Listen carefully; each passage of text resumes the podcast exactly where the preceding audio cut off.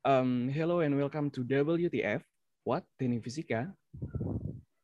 Balik lagi di podcast WTF. Nah, di podcast episode kali ini, kalian bakalan ditemenin sama kita, Teknik Fisika Institut Teknologi 10 November Surabaya. Ada aku, Celia dari Teknik Fisika ITS Angkatan 2019, dan... Dan aku, Agra dari Teknik Fisika ITS tahun 2019 juga. Nah, um, di podcast kali ini kita bakal ngebahas satu tema yang menarik, yakni tentang fotonika. Sebelumnya kita udah kedatangan dua orang tamu nih, Sel. Tamu yang kece-kece tentunya. Dari Waduh. Laboratorium Rekayasa Fotonika, ada Mbak Ocha dan ada Mbak Murti. Halo, Mbak. Halo, Mbak Ocha, Mbak Murti. Halo, Waduh. Bintang tamu kita kali ini nggak kaleng-kaleng ya. Kita langsung ngedatengin asisten lab. Iya, jadi Iya dong. bakal dipastiin kalau isi dari podcast kita bakalan berbobot nih, Gra. Pastinya. Gimana kabarnya, Mbak? Sehat ya? Alhamdulillah baik. Alhamdulillah sehat-sehat. Alhamdulillah. Kita juga sehat ya, Gra ya. Alhamdulillah sehat. Oke, langsung aja mungkin Mbak Ocha dan Mbak Murti bisa kenalan dulu kali ya. Eh, dari Mbak Murti dulu. mungkin. Aku oh, ya udah. dulu boleh. Boleh, Ya, halo. dulu. Aku Ocha dari angkatan 2018, sekarang di Fotonika jadi aslep. Asik. Kayaknya nggak asik ya kenalnya anjir. Iya, eh, halo, salam kenal. Saya Murti dari Teknik Fisika Angkatan 2017, juga selaku aspek foton. Oke, halo, salam kenal ya buat Mbak Ocha dan Mbak Murti. Oke, sesuai judul kita hari ini nih, Gra, kita bakalan ngebahas soal fotonika. Nah, pasti teman-teman semua ini pada bingung, apaan sih fotonika? Nah, langsung aja mungkin kita mau tanya eh, pertanyaan awal aja nih ya. Eh, sebenarnya foton itu apa sih, Mbak, gitu? Mungkin teman-teman pada bingung, foto nikah atau foto nikah atau apa nih? Jadi secara general sebenarnya foton tuh apa sih gitu? Hmm, ya, menarik ya. Memang kalau ingin tahu satu harus dari pertanyaan apa. Eh, ini suaraku jelas nggak sih? Ya, Jelas. Jelas. Ah, oke. Jadi diksinya ada dua ya, foton sama fotonika. ya. Nah, itu dua hal yang berbeda gitu. Kalau bicara tentang foton, berarti kita itu bicara mengenai cahaya. Gitu. Nah, awal mula itu eh, para ilmuwan itu menyelidiki tentang apa sih hakikat cahaya itu karena mereka melihat sinar matahari. Nah, kemudian berkembanglah penelitian yang ke, eh, ke percobaan prisma Newton, mungkin teman-teman juga pernah tahu di SMA, yang ditemukan kalau cahaya itu ternyata tersusun dari banyak komponen warna. gitu. Nah, lalu berkembang terus sampai ke eh, penemuan kalau cahaya itu ternyata jenis gelombang elektromagnetik kayak gitu.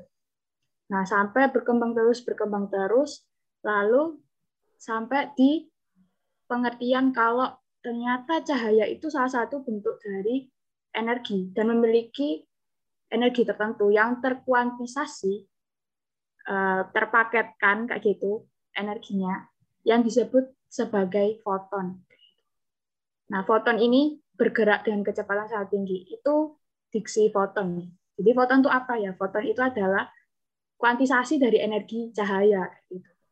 Nah, itulah yang mendasari aspek kuantum di salah satu cabang ilmu fisika. gitu. Nah, lalu fotonika sendiri itu apa? Dari diksi foton dan fotonika, kalau fotonika itu adalah ilmunya, ilmunya yang mempelajari tentang foton itu sendiri. Bagaimana memanfaatkan foton itu dan memanfaatkan cahaya, cahaya sebagai foton, foton itu di kehidupan sehari-hari untuk kepentingan umat manusia.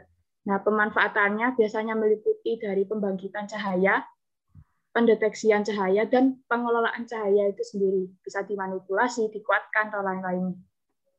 Itu dari aku sih. Semoga menjawab ya. Oke, makasih Mbak Murti. Sangat menjawab ya. Jadi fotonika itu ilmu yang mempelajari tentang foton gitu ya Mbak ya. Terus aku pengen nanya nih Mbak, kenapa sih fotonika itu masuk di teknik fisika gitu? Kenapa dia masuk ke bidang minatnya teknik fisika? Ataukah oh. emang hanya ada di teknik fisika atau di teknik lain tuh sebenarnya juga belajar foton gitu Mbak? Uh, ya, uniknya dari jurusan kita ini kan menggabungkan dua terminologi ya, teknik sama fisika ya. Yang kalau mungkin teman-teman flashback di pengantar teknik fisika, dasar ilmu kita itu dua, matematika sama fisika, ya kan? Nah, kenapa kok bisa sih Mbak fotonika itu masuk ke teknik fisika gitu? Ya karena kita per, apa penjebatanan antara teknik sama fisika di mana di fisika sendiri itu ada cabang ilmunya lagi yang mempelajari tentang cahaya yang itu disebut fotonika gitu. Nah, itulah kenapa kita eh, fotonika itu masuk ke teknik fisika. Terus pertanyaan tadi menarik juga, apakah di teknik-teknik lain juga belajar tentang fotonika? Jawabannya adalah setauku tidak, karena kita kalau fotonika itu biasanya dipelajari di uh, fisika murni. Nah, kayak gitu. Nah, kita memanfaatkan ilmu itu bedanya sama fisika murni apa? Ya, fisika murni belajar teorinya saja. Nah, kita lebih uh, praktikal kayak gitu. Memanfaatkan itu untuk aplikasi gitu kan sehari-hari. Ya. Kayak gitu sih. Oke, makasih Mbak Murti. Fix, makin bangga sama TF. Mana lagi yang punya foto nikah selain kita ya nggak Gra? Ya, iya. Oke, Agra mungkin bisa ke pertanyaan berikutnya. Oke, um, pertanyaan berikutnya uh, tadi kan udah dijelasin Mbak tentang foto nikah itu apa sih, foton itu apa sih gitu. Nah, um, kami penasaran nih alasan Mbak Mbak ini milih um, bidang minat fotonika itu apa sih? Dan mungkin bisa diceritain dikit tentang suka dukanya di fotonika itu kayak apa? Mungkin dari Mbak Ocha. Wih, asik. Akhirnya aku ngomong ya.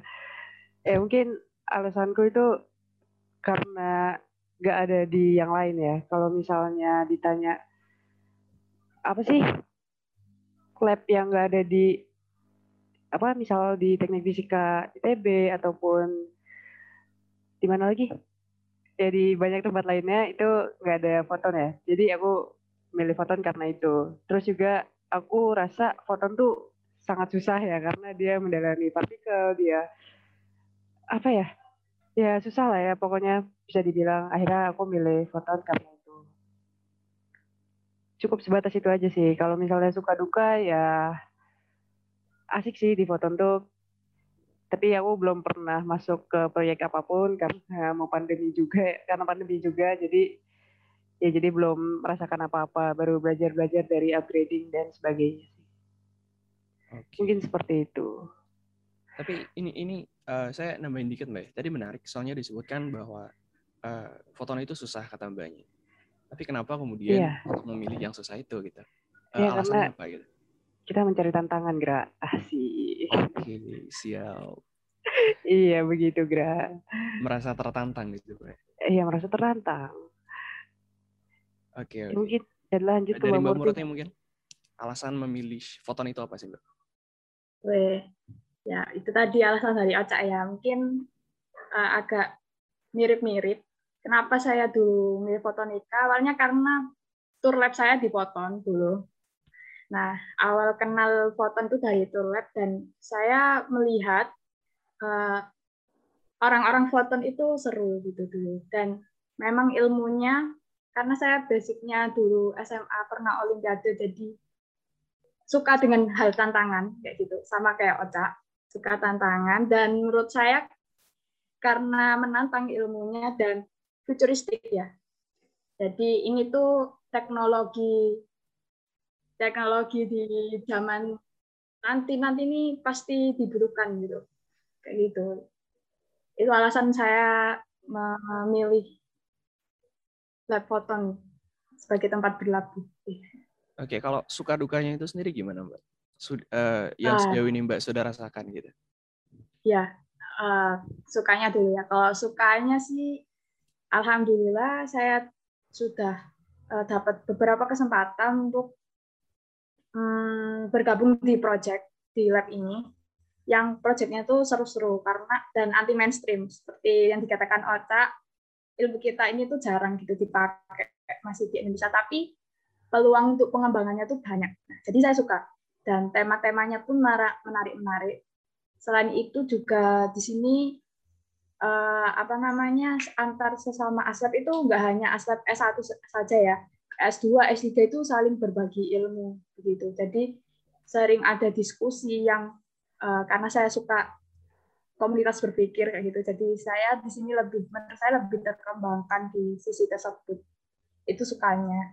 Kalau dukanya sih biasanya itu lab itu sering kotor dan apa ya nggak banyak yang bersihin. Nah itu tuh ya salah satu dari dukanya yang cukup menjengkelkan karena yaitu terkadang banyak yang lupa buang sampah dan sebagainya. Cuman seru sih serunya okay, nanti. Okay. Apalagi Oca. Ingin Oke. Okay. Uh, mungkin bisa next, Sel. Oke.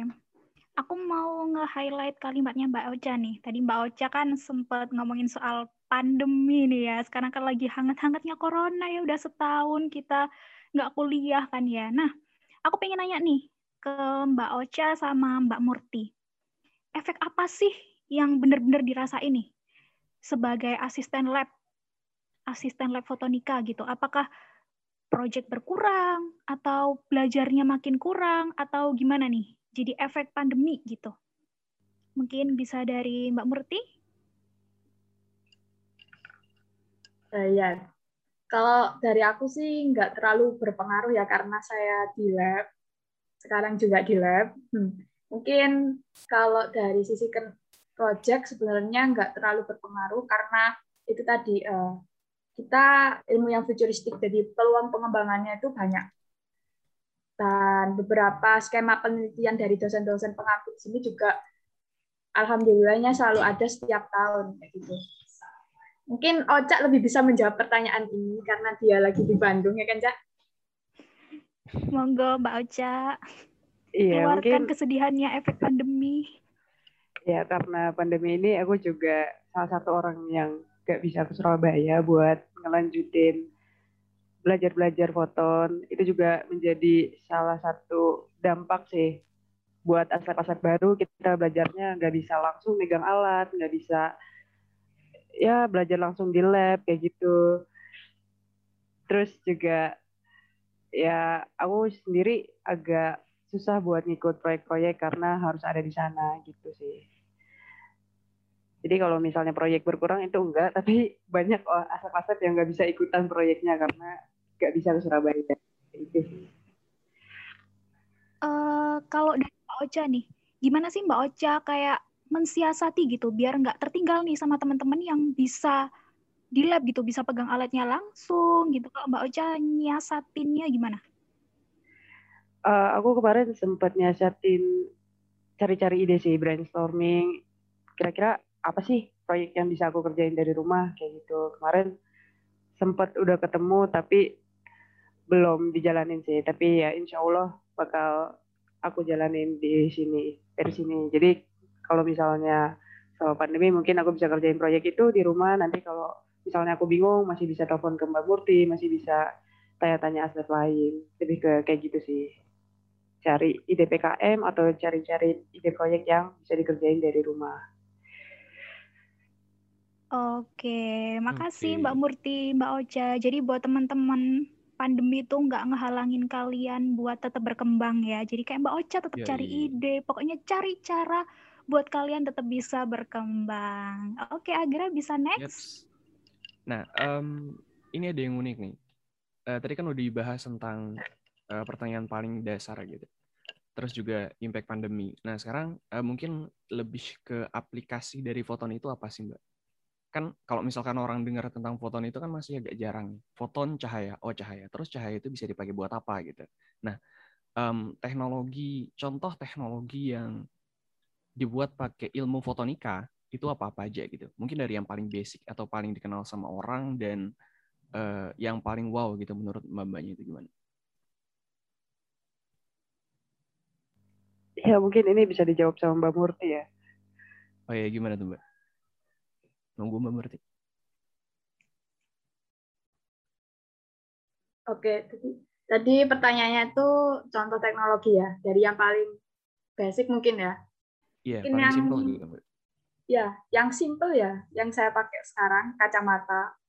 Itu kan juga masuk teknologi. Iya kan, arti teknologi adalah alat yang membantu manusia dalam kehidupan sehari-hari. Ya. Kacamata ini bantu saya melihat. Itu. Terus ada mikroskop, teleskop, ya. Terus untuk teknologi yang lebih advance, yang sedang digemari sekarang itu kalau di lab kami itu ada dua. Yang pertama ada sensor berbasis serat optik sama yang kedua di bidang kesehatan eh, mengenai mungkin spektroskopi. Spektroskopi alatnya itu namanya spektrometer. Nah, itu contoh teknologinya, tapi ada lagi itu yang lebih seru di bidang biomedis yang juga lagi dikembangin yaitu uh, multispectral imaging kayak gitu. Nah, apa sih manfaat-manfaatnya ya? Mungkin istilahnya ter- terlalu ada di jauh ya. Nah, kalau mungkin aku bisa jelasin yang multispectral imaging ya. Eh, gampangannya itu kita menggunakan cahaya itu untuk kalau di lab untuk mengetahui perbedaan antara eh, mana sih yang merupakan tumor kul- kanker kulit sama yang bukan. Kayak gitu. Itu lewat cahaya doang. Apa kelebihannya? Kelebihannya itu metode non invasif artinya metodenya itu enggak enggak melukai pasien. Nah kayak gitu. Tidak menyentuh objek yang mau diteliti kayak gitu. Itu non eh, kelebihan beberapa teknologi berbasis cahaya atau fotonik itu yaitu non invasif dan kebanyakan memang aplikasinya di dunia medis juga Oke, itu sih berarti mungkin yang bisa aku jawab gitu. Berarti bahkan sampai ke bidang medis sekalipun itu masih tetap kepake banget gitu Mbak. Hmm, banget ya banget Banget. karena itu sangat apa ya prospeknya sangat bagus karena keunggulan-keunggulan dari sistem berbasis fotonik tadi. Oke. Iya. Oh iya, em, tadi kan udah teknologinya nih Mbak. Satu lagi yang tertarik itu kayaknya tadi lupa disebutin. Eh, ada nggak sih peminatan-peminatan yang ada di eh, Oh. lab fotonika gitu? Oh Cabang iya, tadi- ilmunya atau mereka itu fokus di mana-mana aja sih gitu. Oh iya, tadi sempat aku singgung salah satu bidang minat di lab fotonik itu ada spektroskopi. Nah, selain spektroskopi itu ada device optik, kemudian ada serat optik atau fiber optik gitu ya. Terus yang satunya ada image processing. Nah, kalau di pandemi ini yang paling populer image processing sih, karena eh, itu bisa dilakukan di rumah. gitu. Ap- Oh, kalau- eh, mungkin aku Mm. Mungkin aku kasih gambaran sedikit-sedikit tentang beberapa bidang minatnya ya. Kalau spektroskopi itu intinya dia menggunakan cahaya itu untuk mengkarakterisasi atau untuk mengetahui interaksi antara cahaya dengan material. Jadi kita bisa tahu materialnya itu mengandung apa aja. Itu gampangannya kayak gitu ya. Terus untuk serat optik sendiri, nah, serat optik sendiri itu adalah pemandu cahaya. Jadi cahaya itu bisa dipandu, bisa jalan gitu, bisa merambat di dalam serat optik. Jadi kita bisa memanfaatkan fenomena itu untuk kalau di lab ini sensor, terus ada juga untuk komunikasi mungkin kalian bisa tahu IndiHome. Nah itu salah satu pemanfaatannya di komunikasi untuk internet dan itu lebih cepat kalau memakai serat optik ya. Nah, itu serat optik. Apalagi tadi? Oh, image processing. Nah, image processing, pemrosesan citra. Nah, dari sini kita bisa intinya kita kita mem- memproses sebuah gambar atau citra, terus kita eh, analisis, kita proses informasi-informasinya gitu. Nah, yang multispectral imaging tadi itu juga menggunakan image processing. Yang tujuan akhirnya nanti bisa membedakan kanker kulit sama kulit biasa atau kulit normal atau sama tai lalat yang sulit dibedakan itu pemrosesannya pakai algoritma di image processing. Gitu. Intinya mengekstrak informasi citra untuk dimanfaatkan sesuai tujuan yang diinginkan. Gitu. Nah, selain itu ada device fotonik, eh device optik, sorry, yang terakhir yaitu mengenai alat-alat uh, optik yang kita gunakan di sistem-sistem optik sama fotonik. Contohnya itu penelitiannya pernah ada itu tentang uh, hologram, terus sama laser kayak gitu. Nah, gimana caranya kita memanfaatkan uh, sistem-sistem optik dan fotonik ini ya untuk kebermanfaatan uh, kehidupan manusia kayak gitu. Jadi kalau device optik itu lebih ke how to use these tools gitu. Itu sih. Okay. Mungkin dari Ocak mau nambahin? Aman kayaknya itu udah paling lengkap dari Mbak Murti. Oke. Okay. Berarti menarik-menarik Mbak. Peminatannya itu menarik banget gitu. Hmm. Oke, next mungkin dari Celia. Gimana, Sal? Oke, tadi udah ngomongin tentang peminatan dan apa ya istilahnya kayak manfaat-manfaat banyak banget teknologi yang udah dihasilin sama bidang minat fotonika nih. Nah, dengan banyaknya manfaat itu, aku pengen tanya sih ke mbak-mbaknya. Sebenarnya eksistensi bidang ilmu ini tuh gimana sih mbak? Kayak kondisi ilmu fotonika yang sekarang tuh gimana? Apakah sudah seterkenal itu atau masih perlu branding lagi atau gimana nih? Mungkin dari Mbak Ocha? Iya, mungkin uh, aku sering ngikutin ini ya, perkembangan ilmu foton di Amerika ataupun di luar negeri dari student chapter OSA STI, itu ada Optical Science of America sama STI itu apa ya STI kebanyakannya? Oh aku lupa SPI kepanjangannya apa. Mungkin Mbak Murti nanti bisa nambahin. Uh, di dua organisasi internasional tersebut sih masih sangat terkembangkan ya. Apalagi dengan apa ya? Ya perkembangan terbaru itu kayak mendeteksi corona dari memakai foton, memakai ilmu foton kayak gitu. Terus juga masih banyak publis-publis publish-publish jurnal di internasional, masih banyak webinar-webinar, dan masih banyak hal lainnya yang berkembang sama foton. Terus kalau misalnya di Indonesia ini menurutku masih kurang ya, karena OSA SPI OSA SPI aja itu masih hanya ada di ITS ya, seingatku.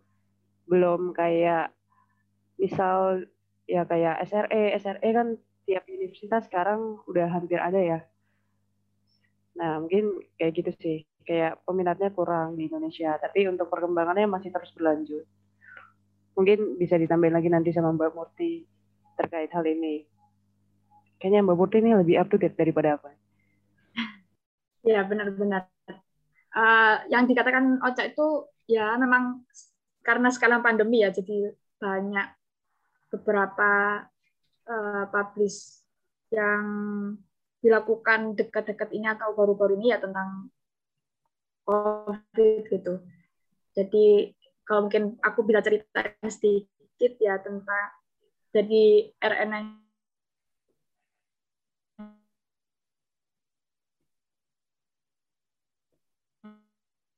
COVID itu itu ada Mungkin kalian tahu istilah PCR kan, nah, kayak gitu.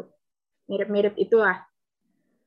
Uh, terus kalau benar kata Oca, kalau perkembangan di Indonesia sendiri ya, kita masih belum banyak ya, kayak perusahaan optik atau fotonik gitu. Uh, kalau dibandingkan sama oil and gas, sama bidang-bidang instrumen, apalagi itu kita masih benar-benar merintis. Tapi kalau di luar negeri bidang ini tuh seksi sekali, pop, uh, populer sekali gitu.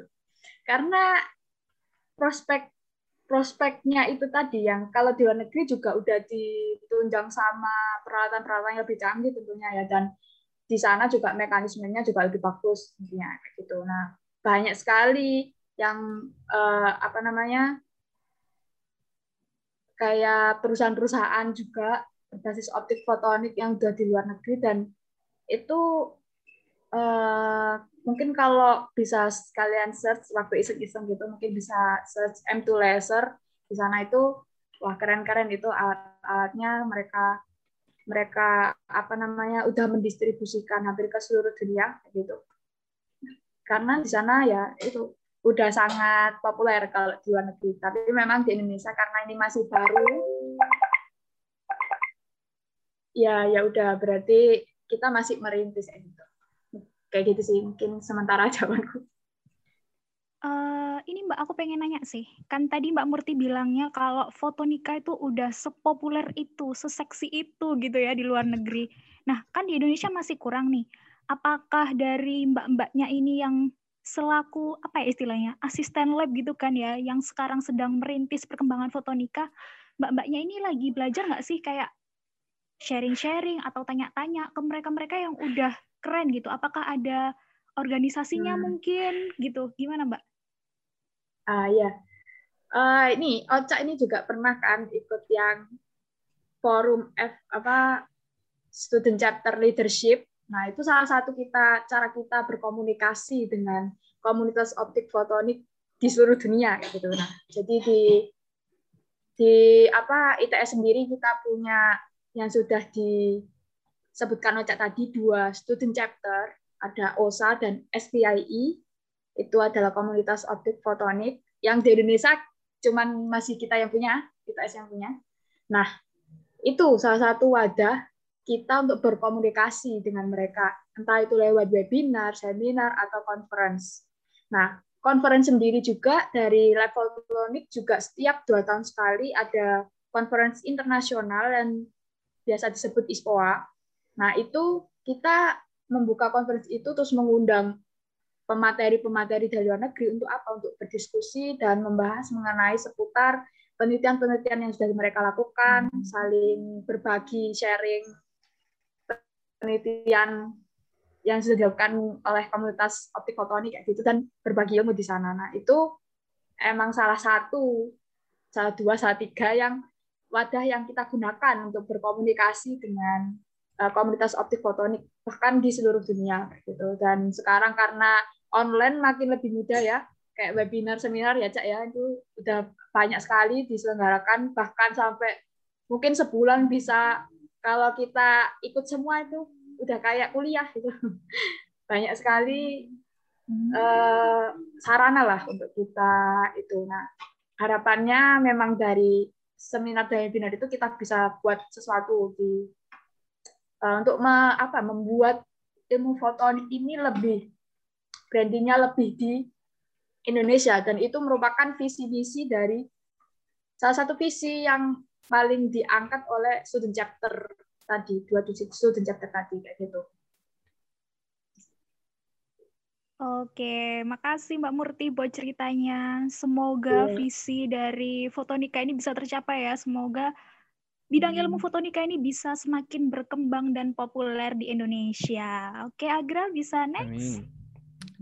Oke, okay, um, tadi kan udah bahas banyak banget tuh Mbak. Nah sekarang kayaknya ini pertanyaan yang bakal ditanyain sama sejuta umat gitu. Um, orang-orang yang ahli di bidang fotonika itu prospek kerjanya itu kayak apa sih? Di bidang apa-apa aja gitu. Gimana tuh Mbak Ocha dan Mbak Murti? Mbak Ocha dulu mungkin? Ya mungkin prospek kerjanya yang aku jawab satu aja kali ya. Sisanya nanti Mbak Murti yang bakal lebih jelas akan menjelaskan. Uh, paling paling umum itu di bidang telekomunikasi atau misal yang tadi sempat Mbak Murti jelasin itu masang fiber di bawah laut, underwater gitu pokoknya yang apa yang bisa kita rasakan dampaknya yaitu internet kan itu juga dari efek dari bawah laut ya, Bu Murti ya, betul? Ah, iya. Benar. Iya. Terus juga kita kadang suka dari telekomunikasi itu kita juga ada beberapa cutting yang sering ngambil tugas akhir di bidang itu nyoba tanya ke Telkom gimana pemasangan fiber di sana atau sebagainya itu mungkin salah satu prospek kerjanya ya mungkin nanti bakal dilanjutin lagi sama Mbak Murti terkait ini ya. Hmm, ya, ya yang diobrolin Ocha udah hampir mencakup semua karena ya di di Indonesia apa perusahaan optik fotonik belum banyak kayak gitu. Mungkin ada startup, tapi aku lupa namanya. Cuman ada di daerah Batam itu juga kayak perusahaan optik gitu yang membuat lensa dan lain sebagainya itu di daerah Batam ke kebanyakan dari eh, apa namanya dari anggota lab fotonik itu kebanyakan adalah berprofesi di bidang akademis atau akademisi. Memang karena yaitu tadi kondisi di Indonesia masih merintis kan ya ilmunya beda sama kayak di luar negeri. Nah, kebanyakan dari uh, Mas Mbak Lab yang dulu itu ya berprofesi sebagai dosen. Terus atau peneliti kayak gitu. Nah, salah satu yang uh, mungkin Ocak juga pernah baca Pak Rodin Billah tahu.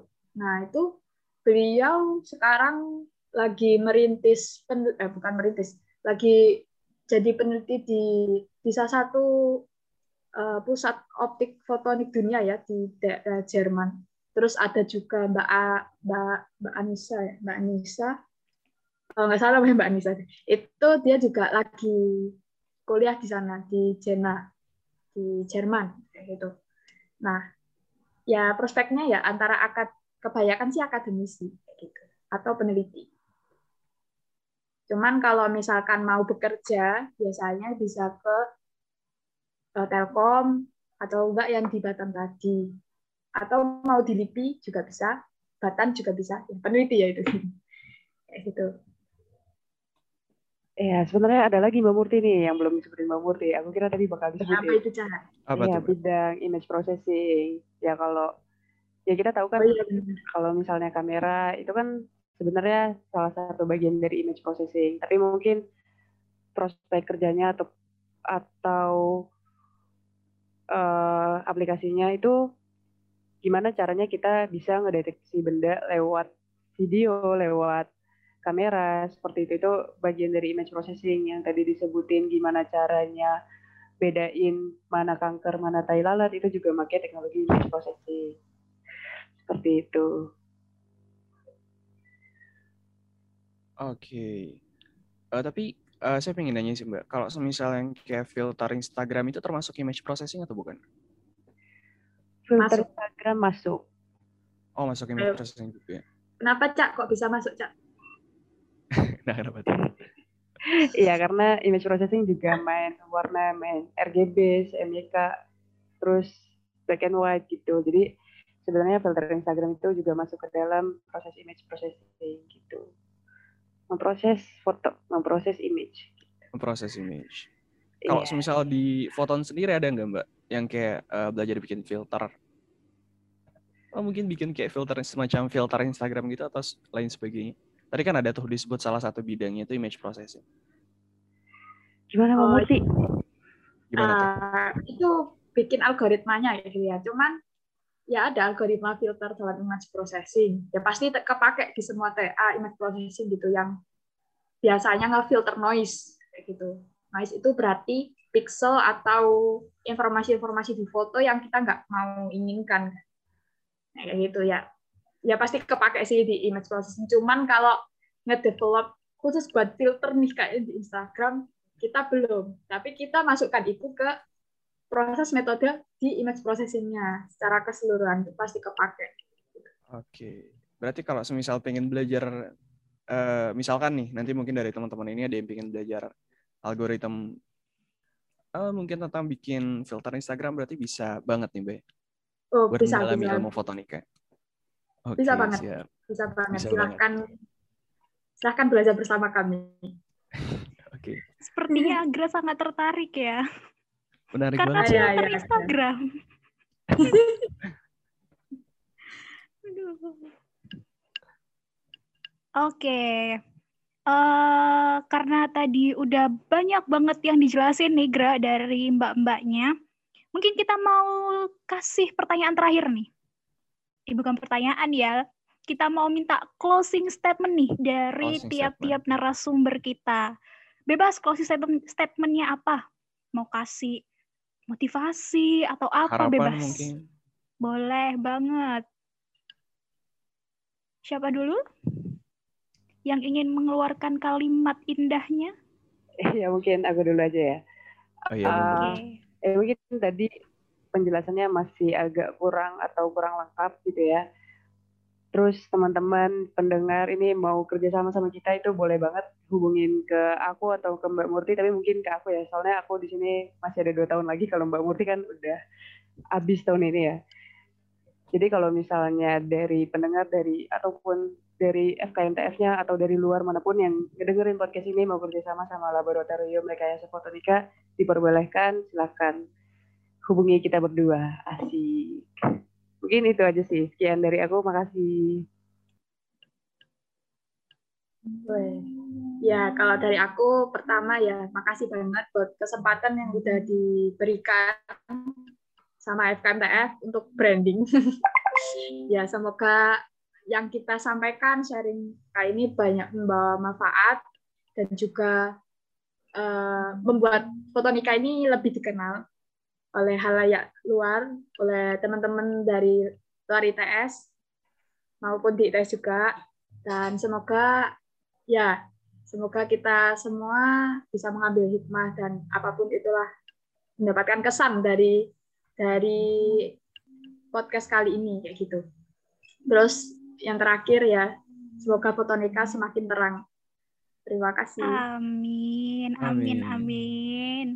Oke, makasih nih buat Mbak Ocha dan Mbak Murti buat sharing-sharingnya hari ini. Semoga teman-teman yang dengerin podcast kita tertarik buat belajar fotonika nih bareng mbak-mbaknya. Jadi kalau pengen ngobrol lebih lanjut, bisa apa nih? Follow Instagram mungkin. Iya, nanti bisa mungkin tanya ke kita dulu, baru kita hubungkan ke Lab Fotonika. Bener nggak tuh, Gra? Yoi, bener banget, Sel. Oke, eh, thank you buat mbak-mbaknya. Thank you buat Agra, thank you buat aku, thank you buat FKMTF karena sudah memberikan wadah kita untuk ngobrol. Em, aku Celia. Dan aku Agra. This is your future WTF engineer. See you in the other side. Dadah semuanya. Sampai Bye. jumpa di podcast episode selanjutnya.